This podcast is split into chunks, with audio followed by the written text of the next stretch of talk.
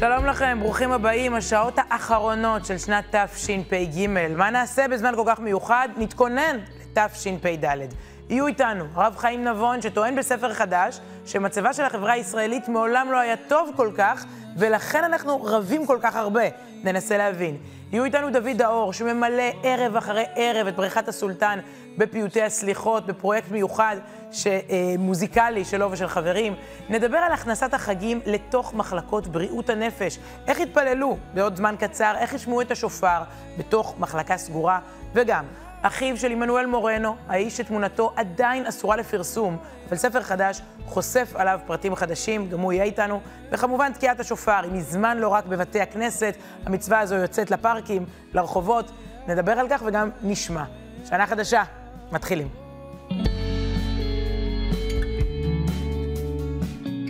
שלום רב חיים נבון. שלום, שלום. שנה חדשה, ספר חדש, מתקרבים ורבים. אתה טוען שככל שאנחנו יותר קרובים, אנחנו יותר רבים.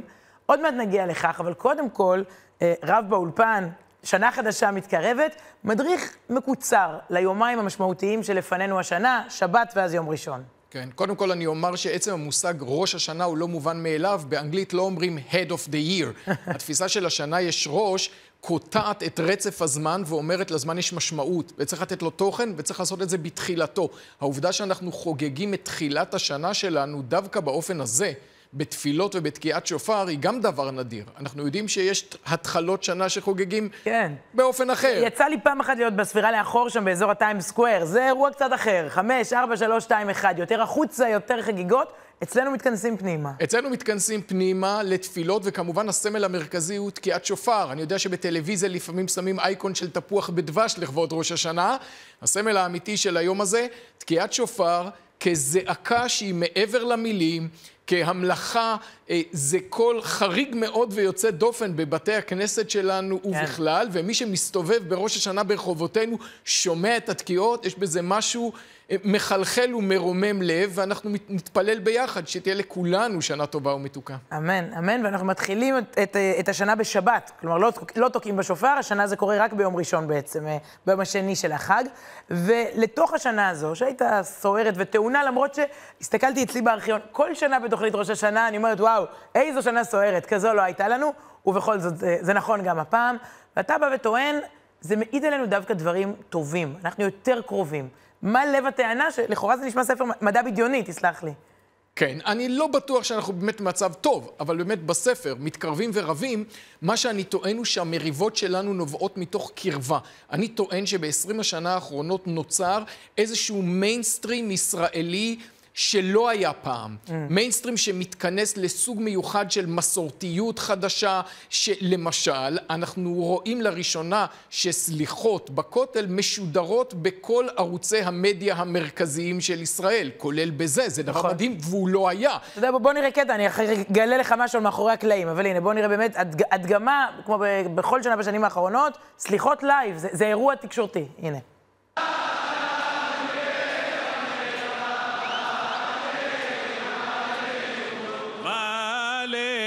זכיות נורא תהילות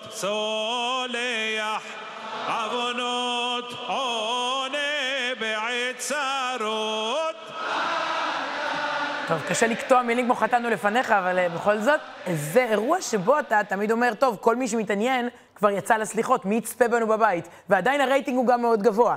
כלומר, הרי מאות אלפים יצאו החוצה, ועדיין מאות אלפים גם מול הטלוויזיה. כלומר, כי מה? כי, כי זה נהיה חלק מפס הקול, התרבותי, התקשורתי, הישראלי? כי האווירה שבה אנחנו גדלנו לפני 30 שנה, שיש פה מחנות מאוד מאוד שונים שלא מתעניינים אחד בשני, היא כבר לא נכונה. כלומר, עצם זה שאת נמצאת בפריים טיים עם התכנים שאת מביאה, עצם זה שכל כך הרבה ישראלים מתעניינים בסליחות, עצם זה ששיר השנה בשנת 2021 הוא סיבת הסיבות של ישי ריבו, אנחנו שומעים שהישראלים מתכנסים לאיזשהו מרכז כובד. אגב, גם דתיים נעשים יותר ליברליים, באים לאולפנים, נכנסים לפוליטיקה, נוכחים יותר.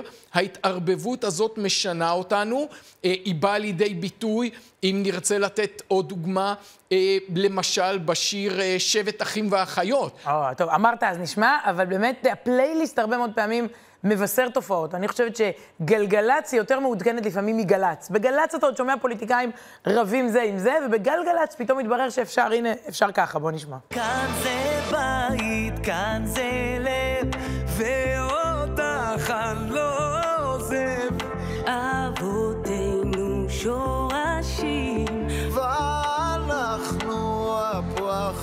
המנגינות שבט אחים ואחיות העובדה שזה מסיבה, זה מזכיר לי מסיבות סיום, מיד. כלומר, אין גננת שלא אימצה ובית ספר שלא עשה מזה מסיבת סיום.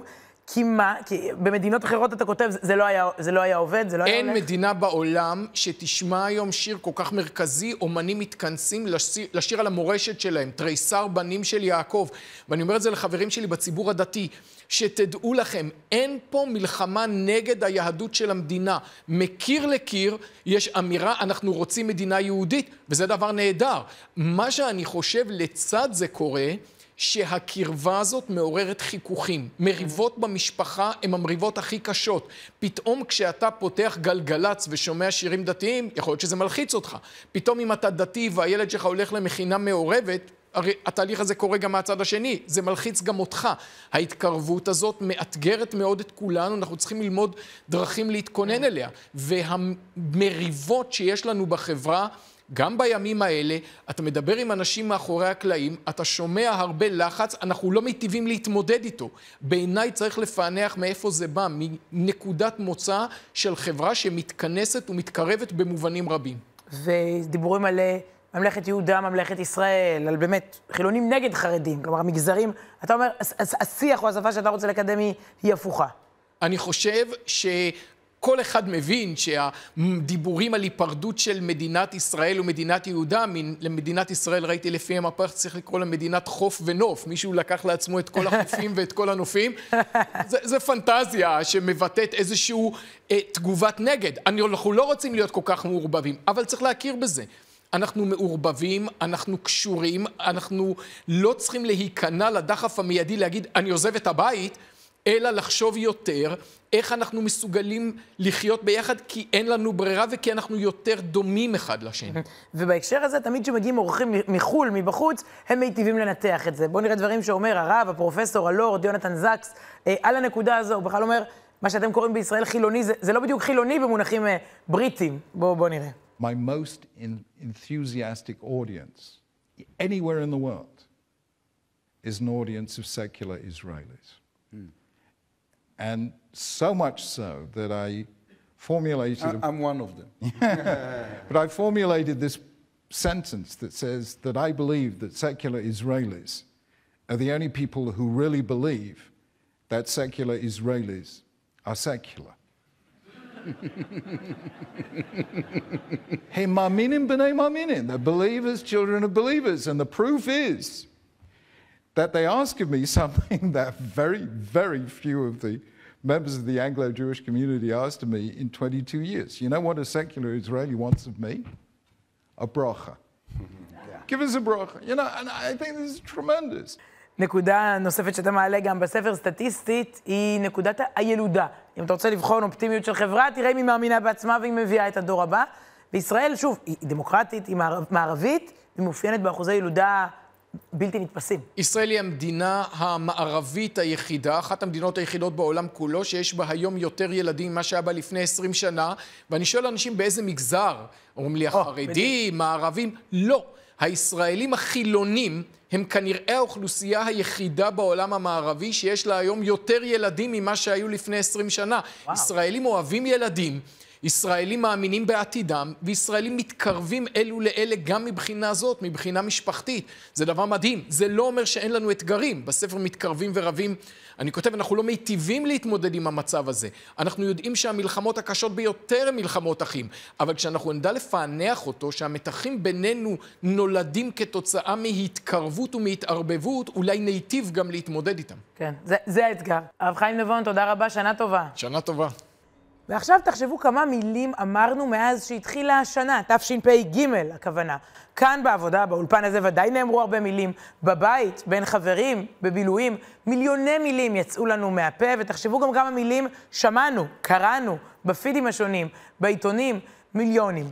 אז הנה, אחרי כל המלל הזה, לפעמים מלל שהוא גם הבל, לא על כל מילה אנחנו חותמים, אנחנו מתחילים שנה חדשה, ואנחנו עושים זאת בשתיקה.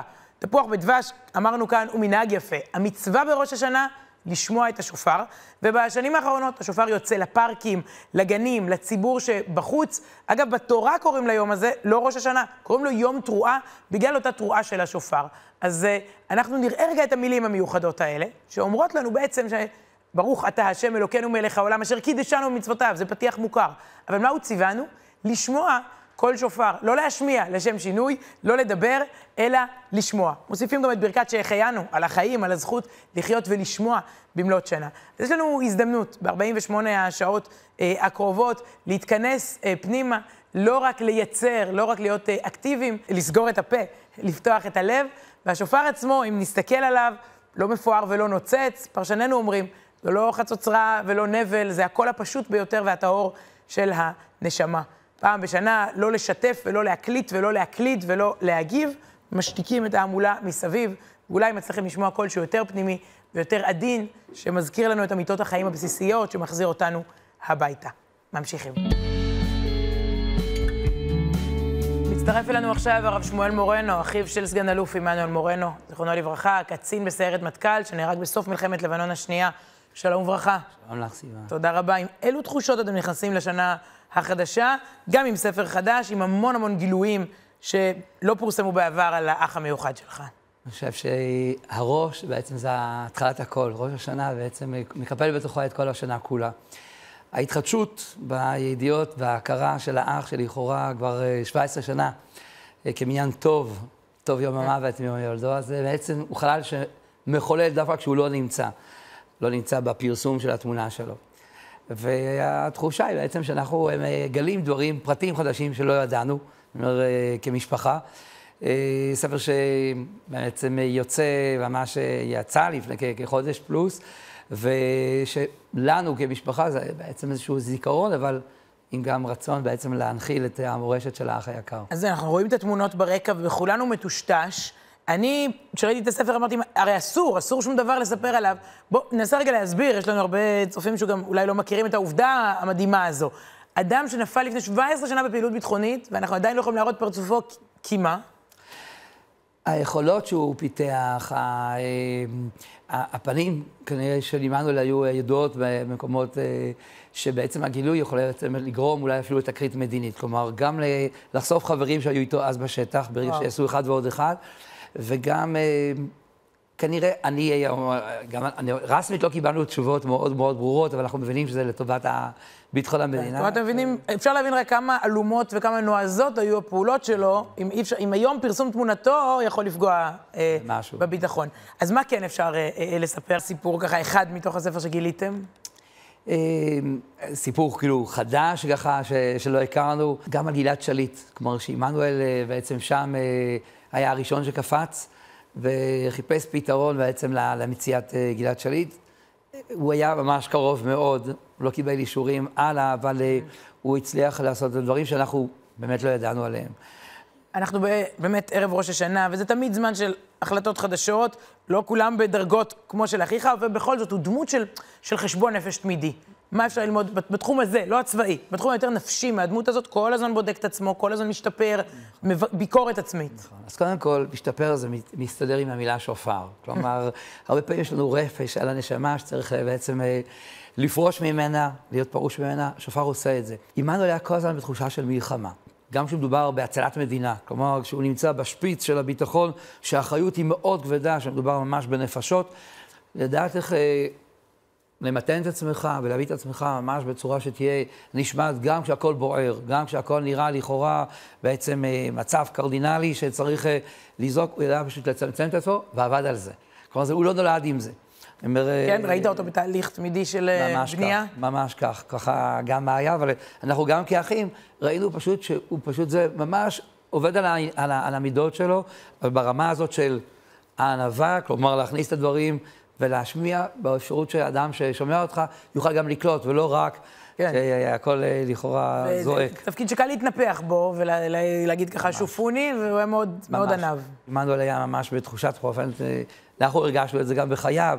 אה, דוגמה מאוד בנאלית, מאוד פשוטה, הוא נכנס לבית, אה, מיד הוא מעיף מבט כמו של איש מודיעין, איפה אני יכול לעשות טוב, איפה אני יכול לעזור, אבל ממש ביעף, וזה לא משנה איזה בית.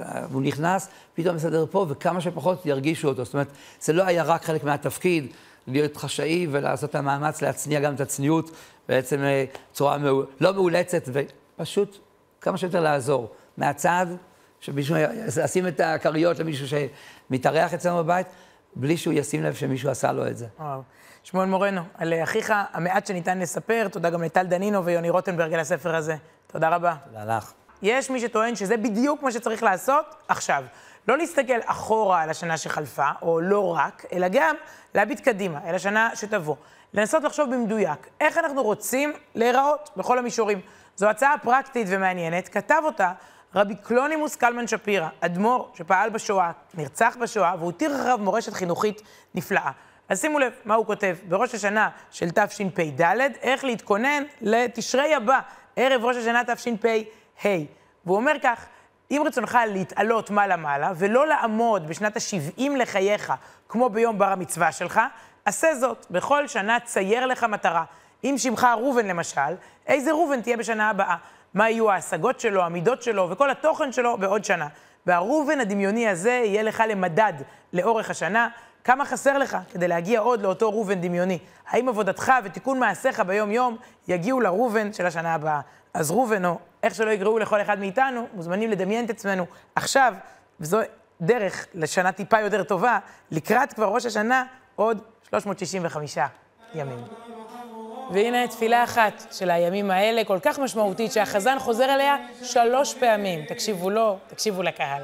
אלוהינו שבשמיים שאת שבתנו, שית שלום בינינו, שית שלום בינינו, שית שלום בינינו, שית שלווה בארמנותינו.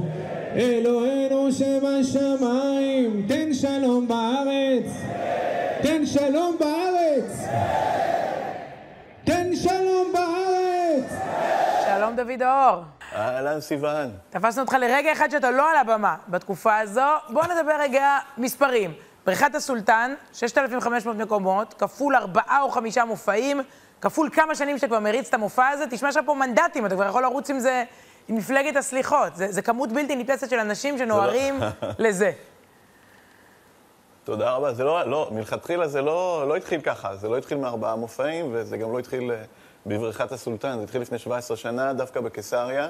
היינו אה, הפילהרמונית, ואירחתי אה, כמה חברים טובים, אה, שרים סליחות בקיסריה.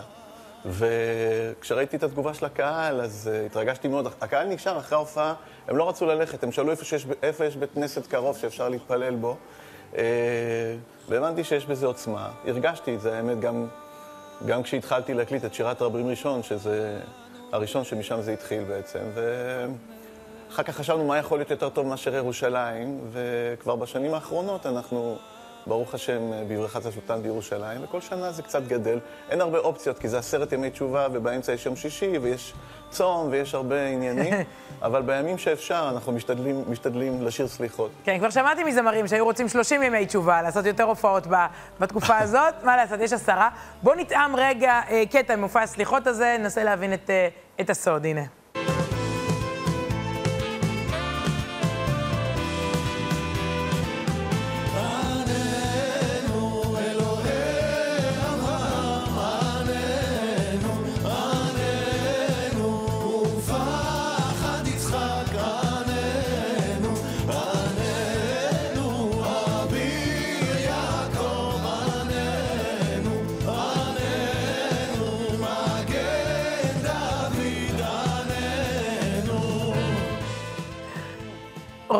שמגיע לדעתך, הלך לסליחות בילדותו, מתרפק פה על סבא, ו- וממשיך גם היום, או זה, אלה הסליחות שלו בעצם, בערב ימים נוראים, תאפיין לי את הקהל.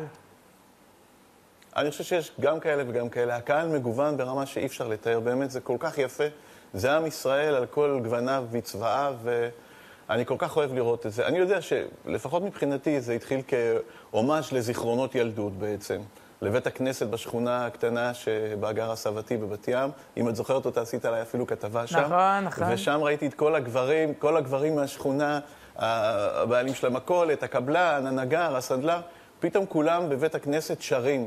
עכשיו, לשמוע חבורה של גברים ככה קשוחים, שפתאום מתחילים, כל אחד מנסה לסלסל כמה שהוא יכול בבית הכנסת, אה, לפעמים זה יוצא יפה, לפעמים פחות לא, יפה, לא כולם דוד האור שם, כן. אבל לא משנה, הכוונה ריגשה אותי מאוד. ואז רציתי אה, ליצור איזשהו באמת הומאז' לזיכרונות ילדותי, במופע הסליחות הזה, וזה מדבר לכולם, כי קודם כל יש משהו, אני חושב, בחודש אלול שכולנו מרגישים אותו. יש פה איזושהי, איזושהי חמלה מיוחדת, יש פה איזשהו משהו שנכנס ללב, אה, ואתה לא, לא, אני לא יודע לגמרי להגדיר אותו, אבל יש הרגשה קצת אחרת. וכולנו רוצים בעצם להתחיל מחדש, להיסלח ולסלוח. ופתאום אומרים לך, בוא ננקה, בוא ננקה את מה שהיה ונתחיל מההתחלה. זה קצת כמו תלמיד שעולה לכיתה חדשה ופותח את המחברת עם הריח של הנייר החדש, לפחות היום זה כבר, אני לא יודע אם יש מחברות היום, אבל בתקופתי לפחות היו מחברות ומחקים וכאלה. וזה כמו התחלה חדשה שנותנת לך מין תקווה למשהו טוב ש... שיכול לבוא עלינו. יפה, והתחלת ו- בעולם דווקא. אה, אתה דווקא, מההצלחה בעולם הבנת שזה יכול לתפוס גם בארץ, נכון? לפעמים אה, צריך ללכת רחוק כן, כדי לחזור כן, קרוב. לפעמים זה, כן, נכון. אני uh, התחלתי, כמו, כמו שתיארתי, את אלבום שירת רבים הראשון, uh, הקלטתי אותו לאחר מותו של אבי, ואז שלחתי את השירים uh, לפיטר גבריאל, לפסטיבל של מוזיקת עולם מאוד, uh, פסטיבל מאוד גדול. והם הם מאוד התלהבו, והם קראו לי להופיע ממש בניו זילנד, באוסטרליה, בלונדון, בכל מקום אפשרי. הם חשבו שאני כתבתי את השירים האלה. זה היה מאוד מצחיק, אמרתי להם, לא, לא, תשמע, לך דודי ואדון הסליחות, זה, זה שירים שכבר הרבה מאוד שנים מרגשים את העם שלנו. ועשינו לזה עיבודים חדשים, עדכניים, ופתאום זה הנגיש את המוזיקה הנפלאה הזאת גם לאנשים שפחות הכירו אותה. ואני חושב שזה, כל פעם כשמנסים לחפש משהו ישראלי, כי אנחנו מאוד מושפעים, יש לנו קצת אמריקה במוזיקה, יש לנו קצת אנגליה, יש לנו אה, צרפת, רוסיה, המון השפעות, אבל כשחוזרים למקורות שלנו, יש בזה משהו כל כך אותנטי, כל כך אמיתי, כל כך עמוק. אם אתה מביא את זה בעיבוד נכון, אה, אני מרגיש שהרבה מאוד אנשים יכולים להתחבר לזה. ומתוך כל הפיוטים, מה הפיוט אה, האהוב עליך במופע? כל שנה אני מגלה משהו אחר. אנחנו, במופע שלנו, אנחנו משתדלים, את יודעת, כ, ככמות העדות שיש בעמנו, ככה כמות הלחנים בערך לכל פיוט. אנחנו משתדלים בכל מופע להביא פיוטים מכל מיני, אה, של כל מיני עדות, מכל מיני אה, סגנונות. אז יש את האשכנזי והמרוקאי וה... והתימני, ובכל פעם משהו אחר. אני לא יכול להגיד לך על איזשהו פיוט ספציפי שאני מתחבר אליו, אה, אה, כי כל פעם אני מגלה משהו אחר. וגם כמוזיקאי, לפעמים אתה כבר משתעמם מהדברים היותר נדושים. אתה רוצה דברים חדשים, אז אני לא יודע אם הם יותר טובים, אבל הם מה שמרגשים אותי באותו רגע. יפה. וזה כבר באמת נהייתה מסורת. הייתי פעם בסליחות בכותל, פתאום הגיע גל של אנשים, הם סיימו את הסליחות של דוד האור, הם הגיעו כל אחד אה, ל- לסליחות שלו. דוד האור. מופע סליחות, סולד אאוט, אבל הסליחות עצמן לא סולד אאוט. כלומר, אפשר להגיד ולשיר בכל מקום אה, אה, בארץ ובעולם. תודה בכל רבה, מקום, שנה טובה. בכל מקום.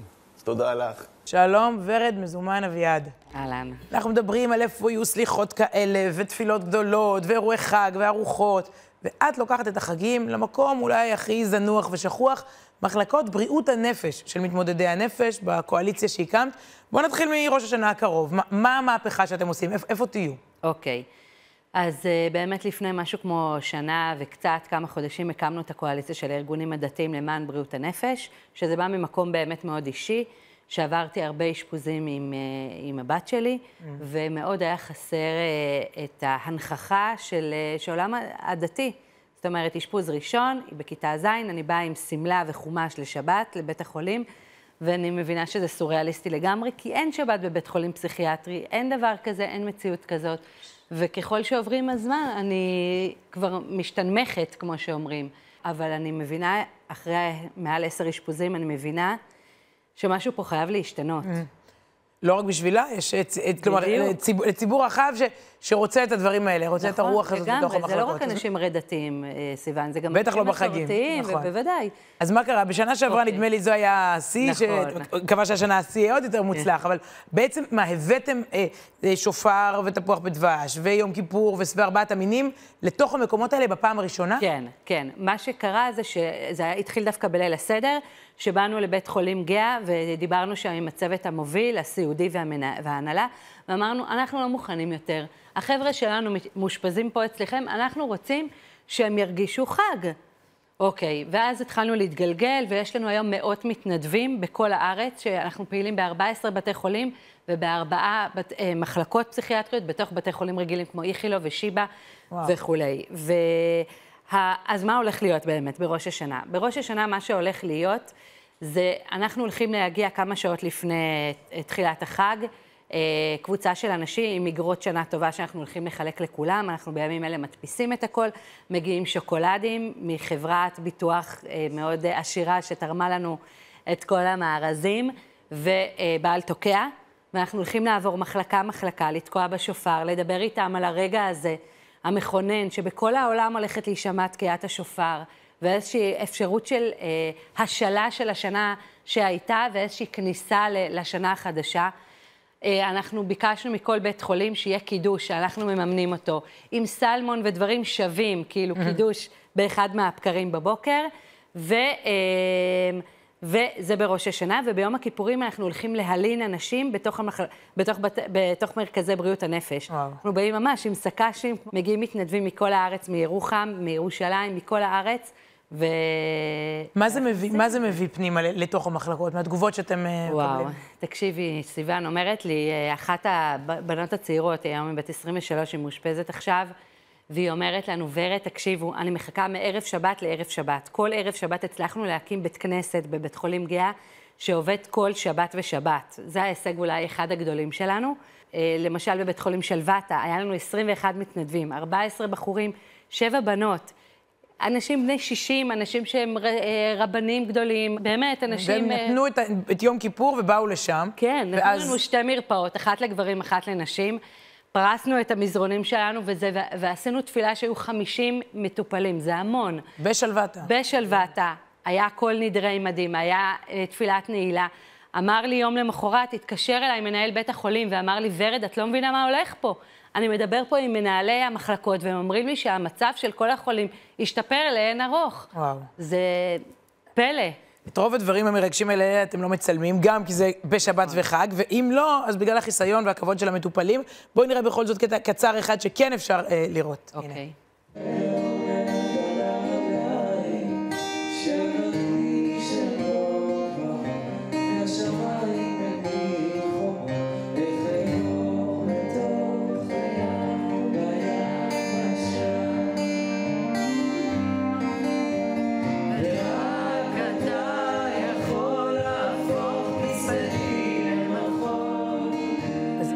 מתנדבים שמגיעים לגאה, ושיר על הלב שלהם ושלנו. אה, זה מתנדבים, פה זה בית ספר מזמור, חייבת לומר, והבחור הזה הוא זמר, וזה הצעדים הראשונים שלהם, והם באו וכל כך שמחו, יחד איתם הגיעו חבר'ה מפדואל, ועשינו גם אה, אה, אירוע כזה, וגם יחד עם מופע, זה היה מופע סליחות בעשרת ימי תשובה, עשינו גם בכפר שאול, אנחנו עובדים ב-14 בתי חולים באופן קבוע ועוד ארבע מחלקות, וזה פשוט מדהים. יש לנו מאות מתנדבים, קוראים לפרויקט הזה גחליליות.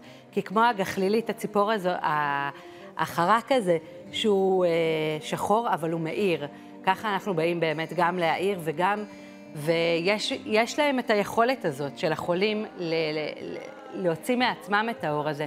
אנחנו באים להיות איתם ברגעים הכי קשים שלהם, בתהומות שלהם, ולהגיד להם, אנחנו מחכים לכם בחוץ, אנחנו איתכם, עמו אנוכי בצרה. אנחנו איתכם בלמטה של הלמטה, אבל תקשיבו, אתם לא תהיו פה תמיד, זה תמיד אנחנו כותבים את זה גם על האגרות שנה, מחכים לכם בחוץ.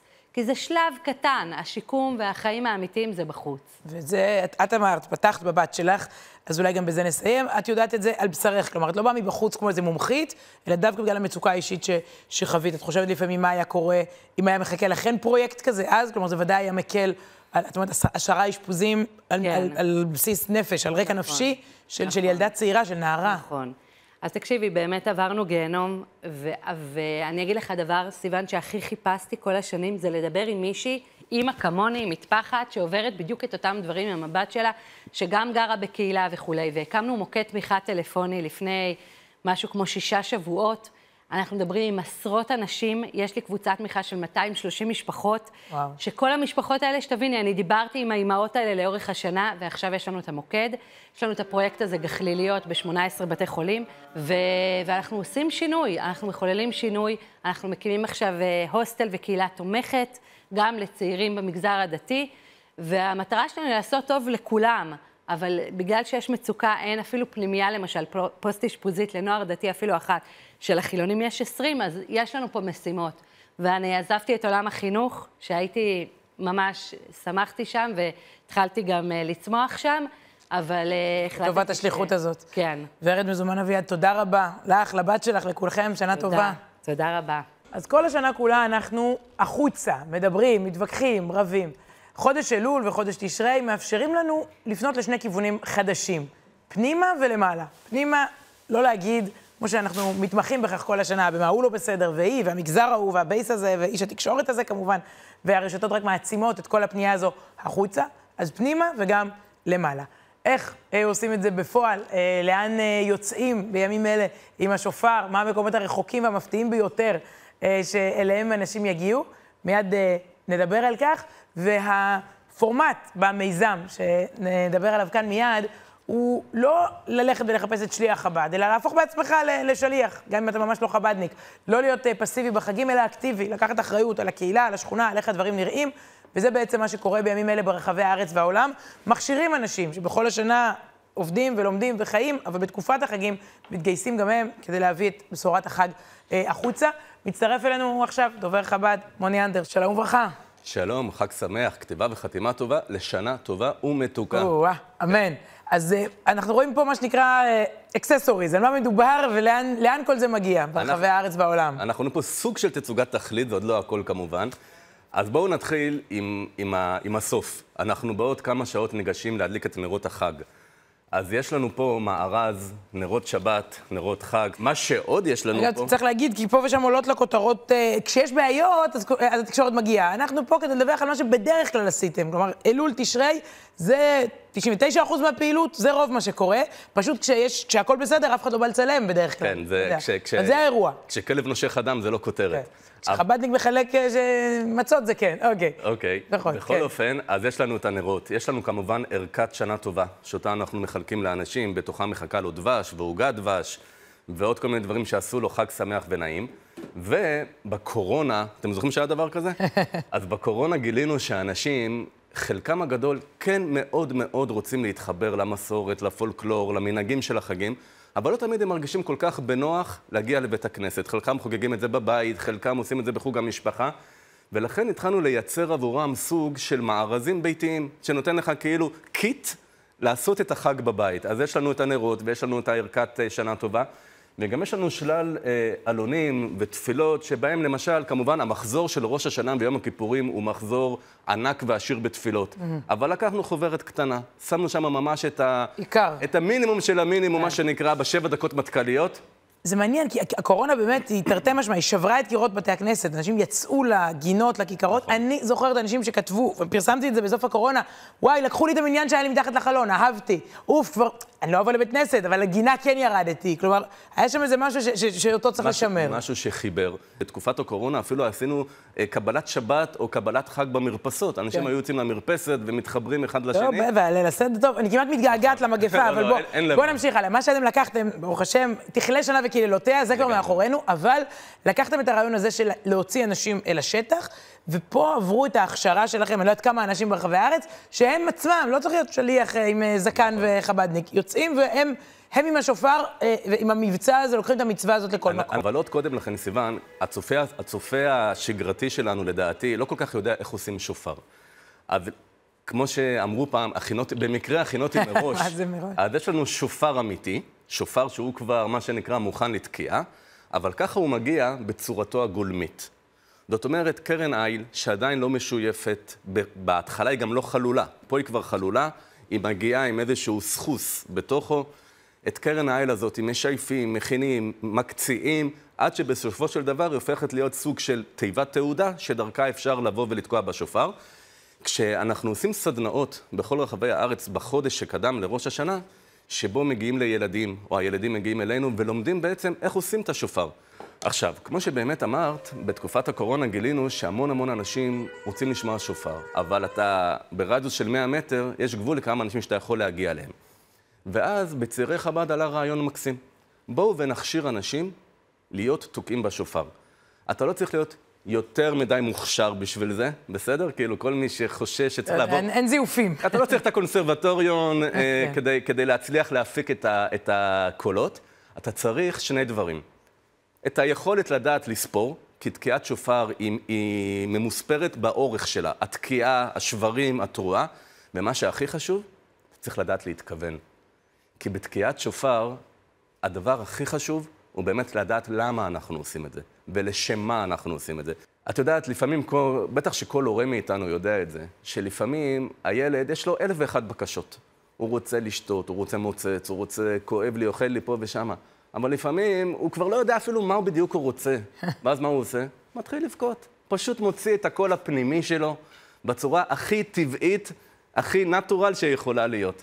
זה בעצם השופר. יש משל מאוד ידוע בחסידות, משל של הבעל שם טוב, שמספר על, על בן מלך שגדל בארמון.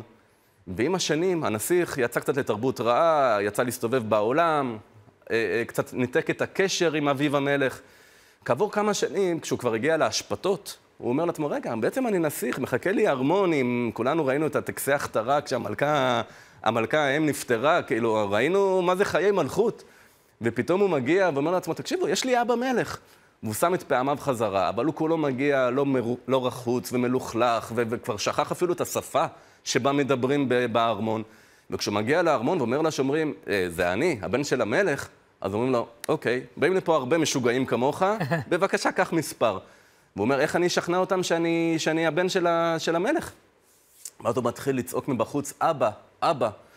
ואבא שלו מזהה את הקול של בנו, וכמובן אומר לשומרים, כן, כן, והבן שלי זה הנסיך, בוא נרחץ אותו, בוא ננקה אותו, בוא, בוא, בוא נקבל אותו בחזרה בחיבוק כמו שראוי לבן של מלך. זו, זו הזעקה של השופר. הנמשל, יד... כן. הנמשל מובן, אנחנו זה כאילו הבן המלך, שלפעמים קצת שכח איך שבן של מלך צריך להתנהל, צריך להתנהג.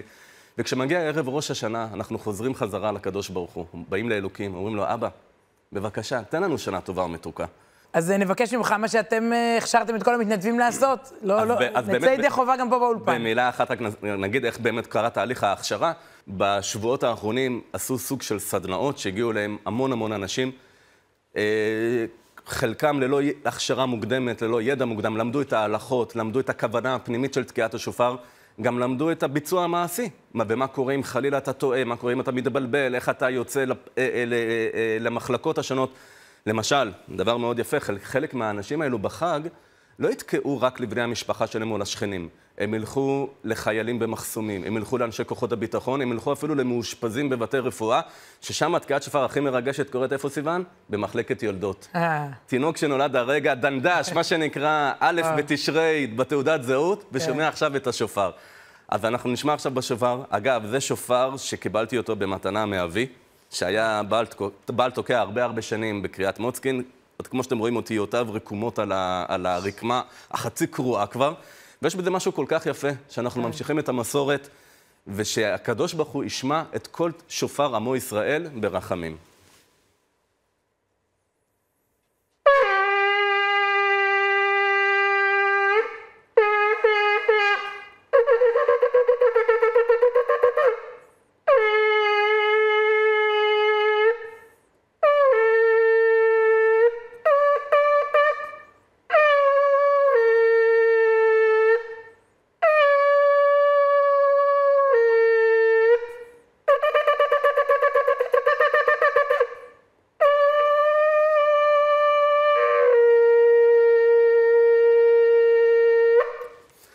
וואו. רק חשוב להגיד לצופים, לא יוצאים בזה ידי חובה. זה דרך הטלוויזיה. הדבר האמיתי ביום ראשון בחג נכון, עצמו. השנה, השנה אוקיי. יש לנו 50 אחוז, בגלל כן. שראש השנה יוצא בשבת, בשבת אסור לתקוע בשופר. אבל אז רק. ביום ראשון יש תקיעת שופר בכל מהלך היום. באמת, צריך חב"ד הגוש שבכל מקום בארץ יתקעו בשופר, ושיהיה לכולנו שנה טובה ומתוקה. אמן, תודה רבה, מוני אנדר, תודה. אנחנו כל כך מרוכזים בישראל בדרך כלל, אנחנו הרי מרכז העולם, דווקא האירוע הזה שלפנינו הוא אירוע עולמי, ראש השנה. קפיצה שלנו לרחבי הגלובוס עם שנה עברית שמתחילה, אבל אירוע בינלאומי. הנה. שלום סיוון, השנה טובה מאמריות. שלום לכם, מבית חב"ד איביזה שבספרד. שלום לכם, מבית חב"ד פאי בצפון תאילנד. אנחנו עומדים לארח כאן בעזרת השם בסעודות החג כ-500 איש מכל רחבי העולם, מישראל, מארצות הברית ומכל מקום, ביחד, כאיש אחד, בלב אחד, נשב ונקבל את החג ואת השנה החדשה. מאחוריי זהו המקום החדש שחנכנו לאחרונה, מקום גדול ומרווח יותר שבו נוכל לארח את המוני היהודים שיבואו. נשב יחד באווירה טובה ומחברת, יהודים מישראל, צרפת, אמריקה ועוד מקומות מרחבי העולם, לחגוג יחד את החג החשוב הזה. מאחלים לכם ולכל עם ישראל שנה טובה ומתוקה. בחגים הקרובים נארח כאן אלפי תיירים, אלפי יהודים, לא רק מארץ ישראל, אבל יהודים מכל העולם שמגיעים לחגוג פה את החגים. ברוך השם פה בבית חב"ד, גם באבו דאבי, גם בדובאי, אנחנו מוכנים, יש לנו סעודות לח... לשבתות ולחגים, תקיעת שופר, אז אני רוצה לקחת את ההזדמנות לברך את כולכם בשנה טובה ומתוקה, חג שמח מהאיחוד האמירויות.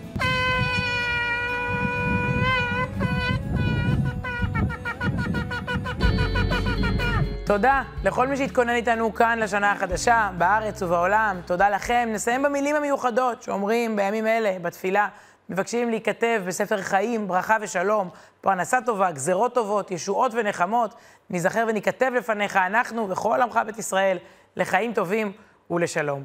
נטעם לסיום ממשדר הסליחות של דוד האור, ונאחל לכולכם שנה טובה ומתוקה.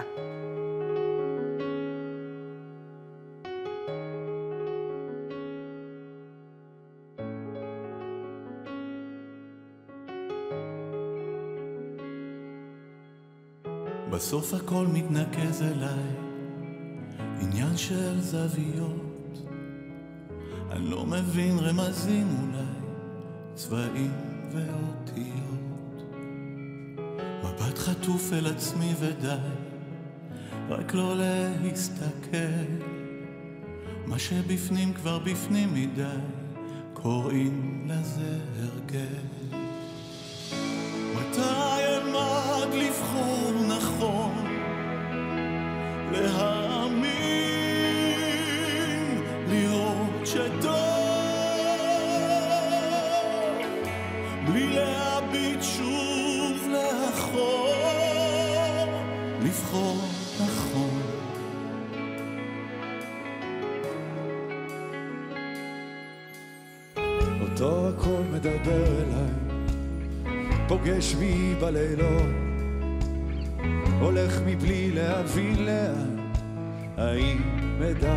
לחזור?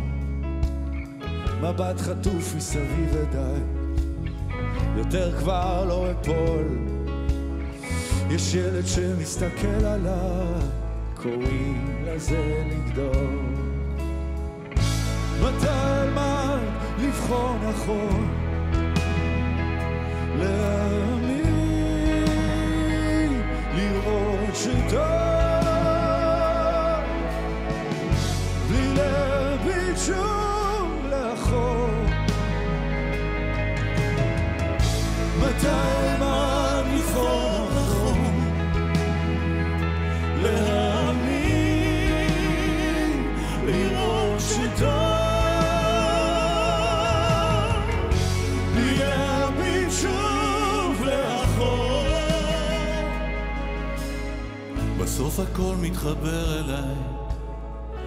גן של חלומות, אם אתעורר בדיוק בזמן, אולי אוכל לזכור.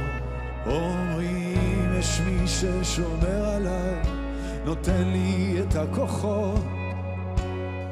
עוד לא מצאתי תשובה, אבל קוראים לזה לחיות.